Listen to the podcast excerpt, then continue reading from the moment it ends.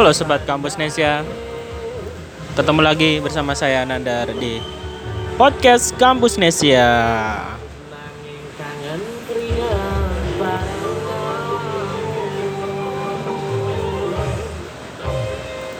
Kita ditemenin sama Lost Doll. Salah satu single populer dari Denny Caknan yang di channel YouTube-nya per tanggal 27 Februari 2023 ini sudah ditonton sebanyak 142 juta kali. Emang luar biasa ya dan hijanan ini. Tapi kita nggak mau ngomongin Denny Caknan ya.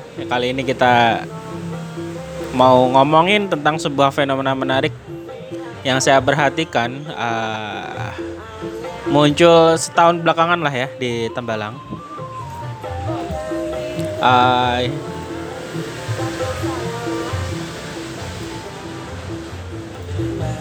ini direkam jam setengah lima sore di Tembalang lagi hujan. Buat teman-teman yang ada di perjalanan uh, hati-hati dan pastikan untuk selalu membawa payung atau jas hujan karena Tembalang ini udah kayak Bogor ya. Tiap hari hujan aja. Kalau nggak pagi hari itu pasti sore itu hampir bisa dipastiin tuh. Jadi jaga kesehatan dan sedia payung sebelum hujan. Sedia jas hujan sebelum hujan. nah teman-teman uh, di podcast kali ini kita mau bahas sebuah tema yaitu fenomena jasa anjem atau antar jemput dan pre-love pre-love pre-lovet. Apa gimana bacanya? Sorry kalau salah ya. Spelling saya nggak begitu bagus. Di sekitar Tembalang Semarang. Ya. Nah ini awalnya itu muncul dari uh, Undip Manfest ya. Salah satu manifest kampus terbesar di Indonesia setelah College Manfest. Kalau College Manfest itu kan dia lebih umum ya, jadi wajar kalau uh, followersnya banyak. Tapi Undip Manfest ini apa dibanding dengan katakanlah kampus yang lain itu dia salah satu yang paling gede. Uh, sekarang udah 122,4 ribu uh, followersnya. Dan sering banget munculin uh, apa istilahnya ya manifest viral gitu ya. Contoh tuh yang lucu uh, pernah apa namanya uh, motor yang ketuker apa motor itu dikira dikira keting eh dikira hilang tapi ternyata dia lupa uh, naruh di mana gitu. Itu heboh banget itu ya. Dan beberapa manifest yang lain ya. Di antaranya Taman Tirto Agung ya buat yang tahu-tahu aja.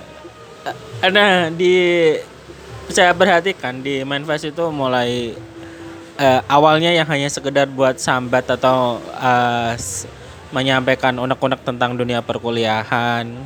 Kalau udah malam tengah malam itu biasanya agak menggalau.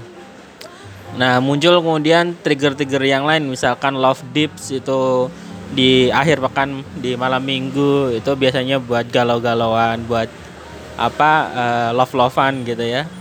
Terus kemudian banyak yang jualan juga sampai kemudian uh, pengelolanya itu admin Undip Manfest bikin kebijakan selain yang promosi kalau mau selain yang berbayar atau paid promote uh, itu disediakan setiap hari antara jam 3 sampai jam 4 untuk jualan jualan apa pun gitu Nah, ada dua yang saya perhatikan dan itu menarik teman-teman. Yang satu itu adalah uh, fenomena pre-love atau pre-loved bahasanya ya. Tolong nanti kalau salah dikoreksi ya.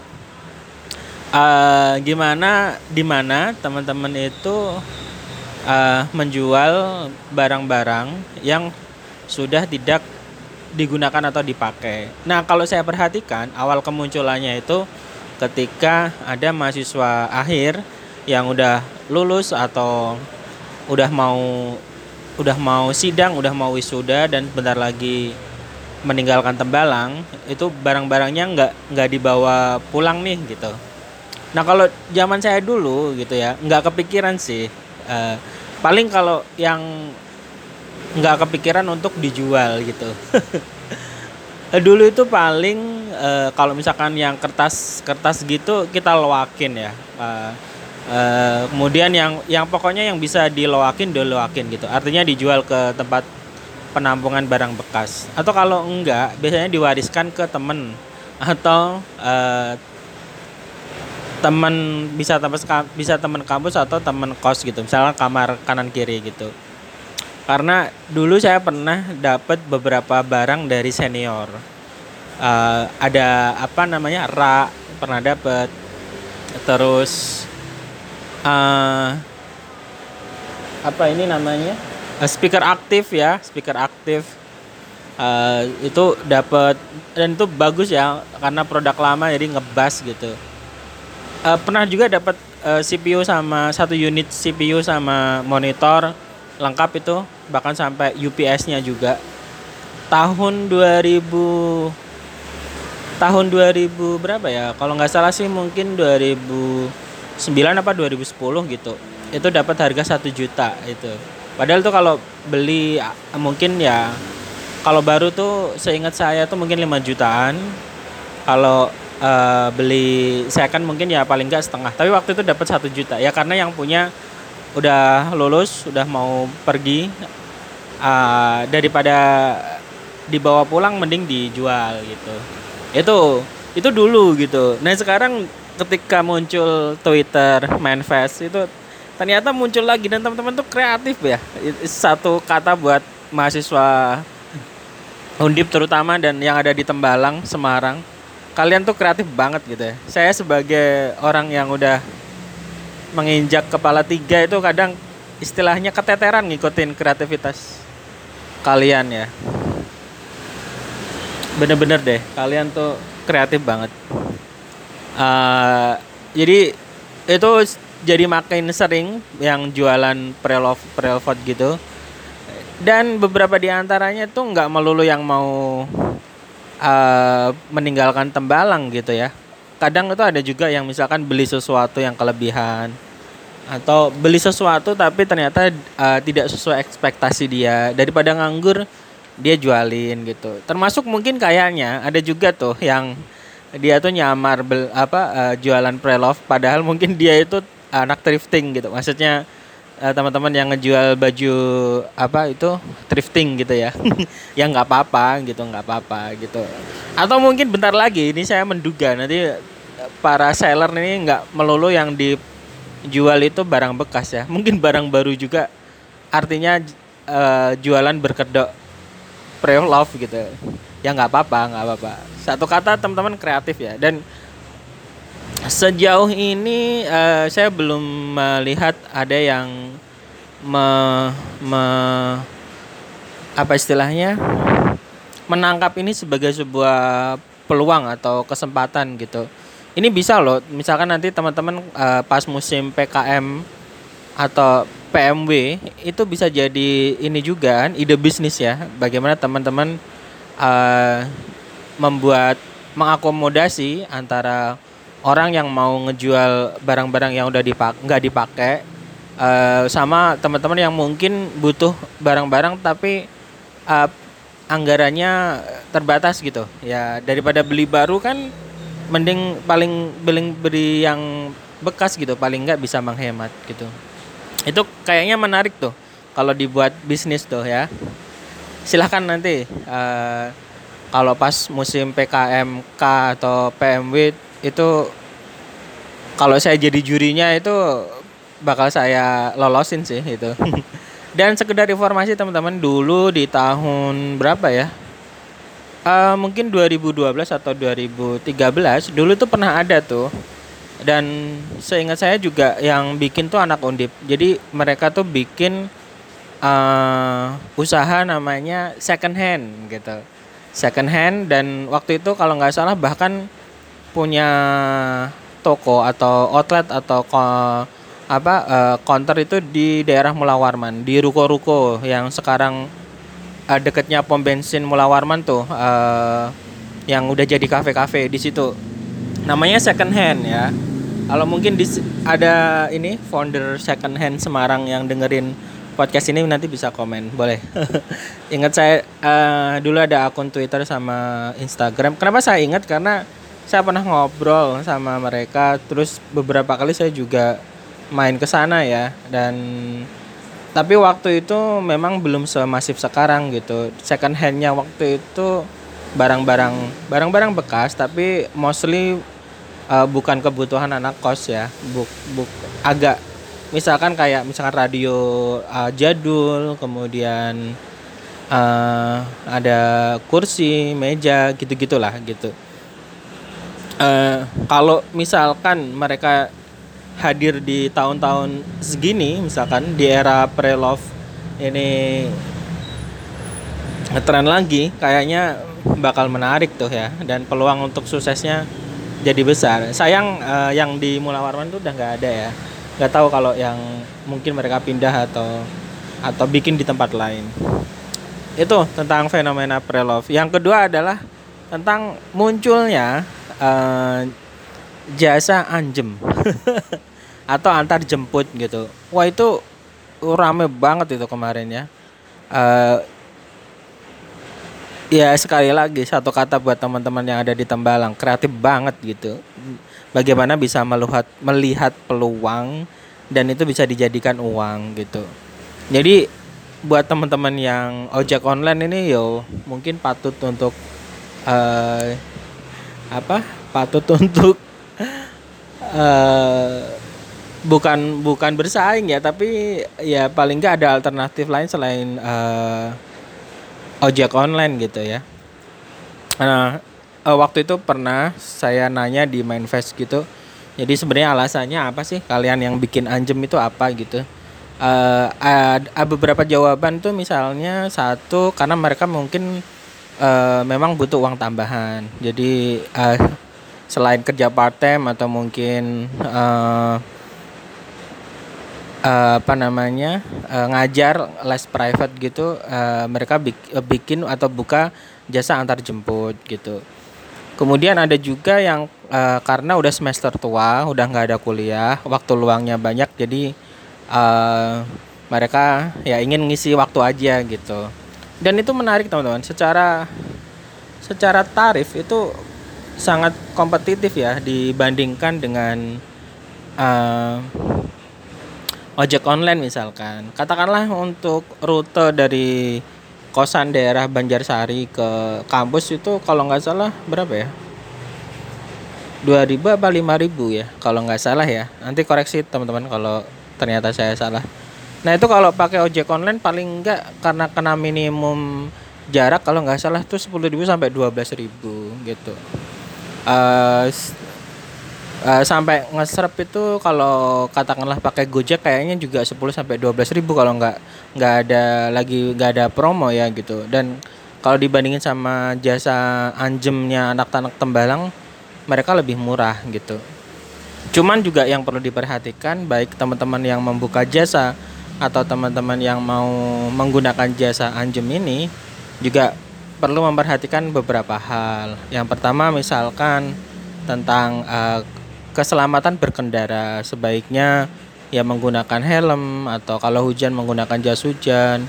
Di jalan juga harus hati-hati karena kan ya bagaimanapun teman-teman tidak terlatih untuk melakukan pekerjaan itu gitu ya. Uh, paling mungkin biasanya kalau boncengan kan sama temen. Nah ini kan teman-teman nih lagi nganter yang statusnya itu adalah customer. Itu perlu diperhatikan yang kedua juga komunikasinya ya uh, ya bagaimanapun uh, ya harus saling memahami gitu. Dan coba diperhatikan. Kemarin kayaknya ada yang viral tuh yang salah. Jadi uh, apa namanya? Kalau nggak salah tuh uh, dia pesen mau ke stasiun Tawang atau Poncol gitu ya. Tapi uh, keretanya itu harus berangkat berangkat jadwalnya itu jam satu atau jam berapa gitu. Uh, terus yang ini penyedia jasanya itu hmm, kurang kurang teliti dalam membaca mungkin ya tapi intinya itu uh, ada miskomunikasi lah gitu. Jadi harusnya dijemput di mana tapi dijemputnya di mana. Ya itu lucu juga sih ya gitu nah selain uh, jasa antar jemput ada juga tuh jasa just tip gitu. Nah ini contoh misalkan ya tarif anjem motor. Undip sekitarnya 5000 nah paling enggak nih berarti udah separuh dari ojek online nih. Undip Banyumanik 8000 masih lebih murah. Undip sukun undip sukun tuh berarti ke arah Banyumanik gitu ya banyak serondol gitu ya. 10.000 ini masih lebih murah. Undip Semarang bawah 20.000 ini mau uh, undip Poncol 20 undip Tawang 25 harga bisa berubah tergantung jarak ya oke. Okay. ya itu uh, apa namanya menurut saya emang lebih murah sih lebih murah daripada uh, ojek online gitu kan dan nggak cuman motor ya ada juga yang mobil juga gitu. Ini peluang sih peluang. Silakan teman-teman manfaatin ya. Uh, apa namanya? Ada juga berikutnya yaitu selain anjem. Berisik banget motornya bang. Just tip ya uh, ini juga tuh satu kata buat teman-teman di Tembelang sekitarnya kreatif banget gitu ya e, apa namanya jadi uh, jadi misalkan nih saya akan bacakan salah satu uh, tweet di Undip Manifest ya Dips yang open just tip dong dari leker Yoyo bulusan ke Timoho berapa fee-nya? Oh ini orang nanya nih. Oke oke oke. Uh, uh, bentar. Kita coba cari yang lain. Nah ini nih. Kalau aku open just tip jati nangor di tembalang senin malam pick up ke kos kira-kira ada yang mau nggak ya? Jati nangor nih apa ya? Oh kayak oh kayak ini ya. Fried chicken gitu ya? Oke. Okay. hmm, bentar. Uh, aneh nih. Guys aku lagi buka just tip karena kebetulan lagi di Jogja. Siapa tahu ada yang mau nitip Jatinangor House. Oh ini fried chicken dari Jogja. Bakpia patok atau yang lainnya. Bisa reply nanti sender DM berdiri nanti malam jam 9 nah nih ini kan kalau boleh mengumpamakan ya ini kayak sekali tiga uang gitu kan. Jadi mereka itu simultan aja gitu. E, melulu mereka itu memang e, apa buka usaha jasa titip atau just tip gitu ya. Tapi ya katakanlah uh, insidental misalkan lagi ke mana gitu lagi di Jogja atau di warung makan tertentu. Nah mereka berpikir ah daripada buat sendiri kayaknya oke okay nih nawarin just tip gitu. Dan dan apa namanya ya itu bisa jadi pemasukan ya paling enggak ya buat ganti inilah ya buat ganti uang transport gitu uh, untuk fee-nya. Dan kit, kit setahu saya kan uh, uh, just tip itu kan nanti harganya ya sesuai harga asli ya. Katakanlah misalkan makanan tuh uh, uh, apa namanya katakanlah misalkan makanan harganya 10.000 gitu. Uh, nanti bayarnya makanan tetap 10.000 tapi nanti uh, apa namanya just tipnya itu berapa? Misalkan ah ini contoh misal nih Yuk Justif Lawson buat area Tembalang, fee 5000 aja. Lagi ada promo buy one get one 35.000 dapat dua juga. Nah, ini misalkan dia lagi di di apa Lawson uh, ini kayak Lawson tuh kayak odeng kayak gitu ya yang yang di Alfamart itu ya. Uh, nah, daripada dia mungkin beli cuman buat dirinya sendiri gitu, dia nawarin siapa yang mau nitip sekalian yang bayarnya mungkin tetap 35 tapi nanti ada tambahan 5000 itu gitu. Nah yang 5000 kalau katakanlah ada 10 orang yang just tip kan dia udah dapat uh,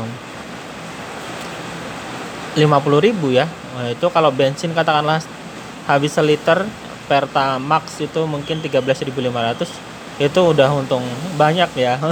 Wah emang teman-teman kreatif kok gitu. Dan ini kan bukan pekerjaan tetap dalam artian ya ya ya simultan aja kapan kapan pengen bikin bikin aja gitu. Kalau enggak ya enggak gitu. Kan menarik ya.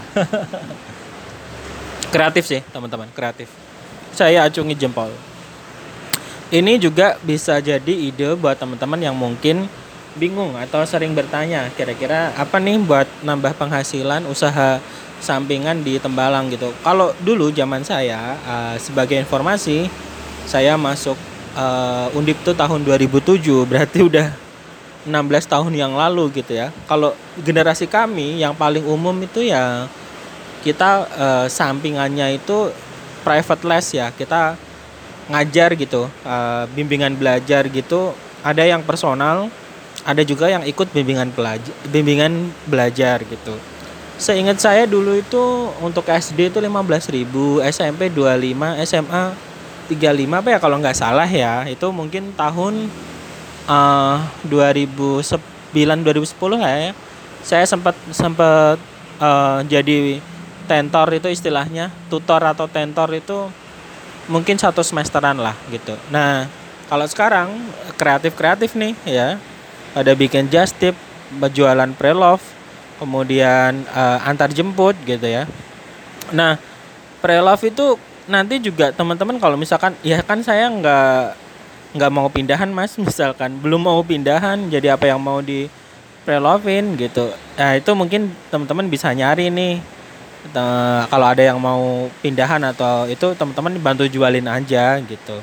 Atau sebenarnya nggak nggak nggak harus pre-love gitu ya. Atau teman-teman kayaknya uh, kalau di Jogja itu di Jogja itu uh, kita tahu bahwa uh, iklim literasinya kan tinggi ya dan di Jogja, di Jogja itu banyak banget uh, toko buku gitu percetak uh, penerbit dan toko buku itu banyak bermunculan toko-toko buku online yang toko-toko buku baik offline maupun online yang di luar brand yang kita kenal kayak misalkan Gramedia uh, Togamas atau Gunung Agung atau yang lain gitu. Uh, kalau teman-teman perhatikan itu uh, beberapa di antaranya juga besar di sosial media seperti Instagram, bahkan ada yang bikin web gitu. Nah, saya pernah dengar salah satu podcast di uh, mojo.co itu mereka itu uh, ketika jualan itu dat dat mereka nggak harus dalam tanda kutip nggak harus kulaan gitu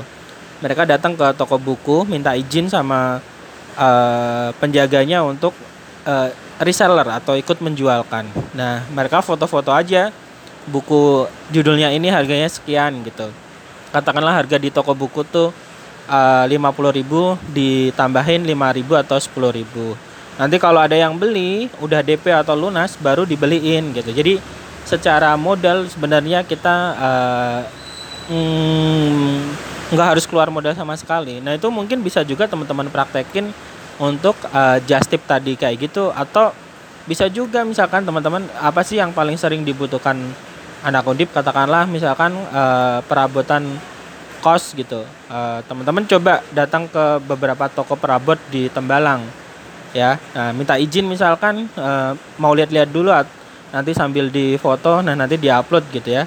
Uh, jasa titip beli perabotan misalkan gayung uh, kemudian apa uh, rak sendal uh, sikat sikat sikat apa itu namanya? Sikat buat cuci hanger hanger game oh bukan. Hanger jemuran pakaian gitu. Uh, atau keset gitu. Nanti tinggal teman-teman bisa nge-up harganya atau ya just tip aja. Jadi uh, harganya tetap sesuai harga asli.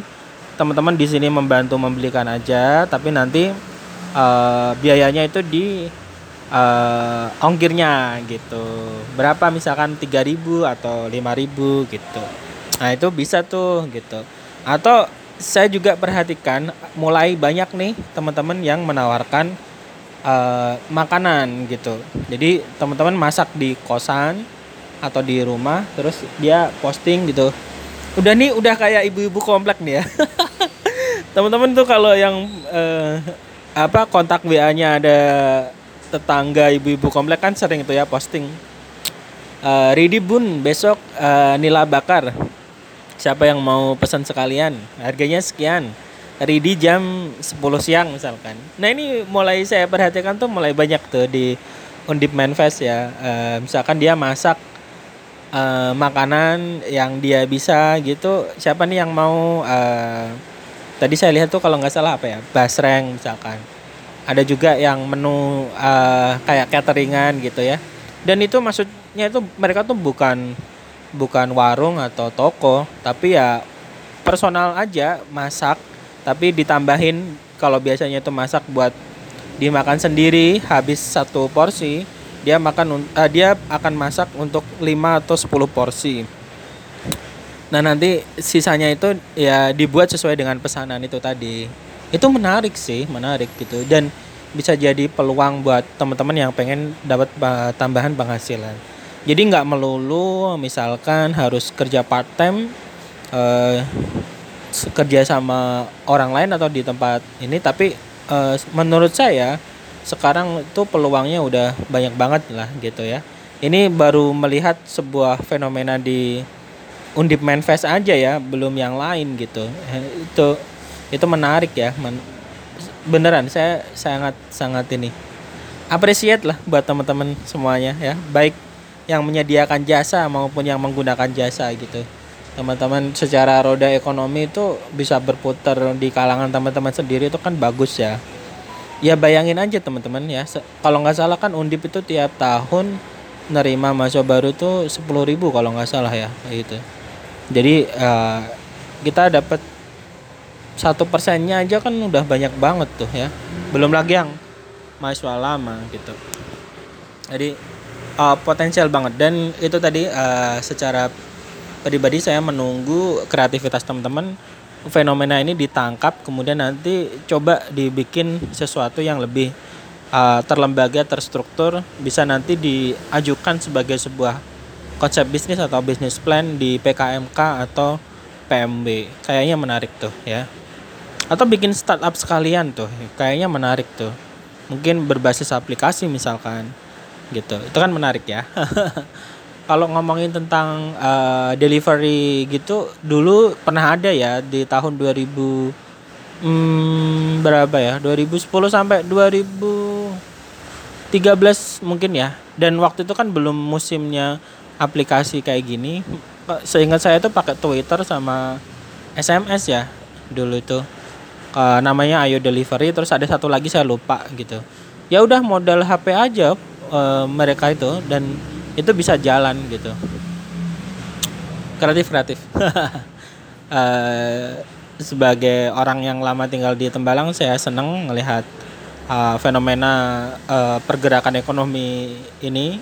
Buat teman-teman yang ngejalanin tetap semangat ya. Nggak kalau ada kendala jangan langsung menyerah tapi tetap dicoba oke teman-teman ternyata udah hampir 30 menit makasih buat yang udah dengerin podcast kita hari ini uh, fenomena anjem sama prelove ini juga saya uh, saya bikin artikel tertulis bisa teman-teman cari dan baca di uh, media online kampusnesia.co.id. Jangan lupa untuk subscribe kita uh, kalau menurut teman-teman ada manfaatnya. Kita ada di Twitter di @kamusnesia_co_id, kemudian ada di Instagram juga, ada di YouTube juga dan makasih buat lucu.com yang udah sponsorin podcast kita.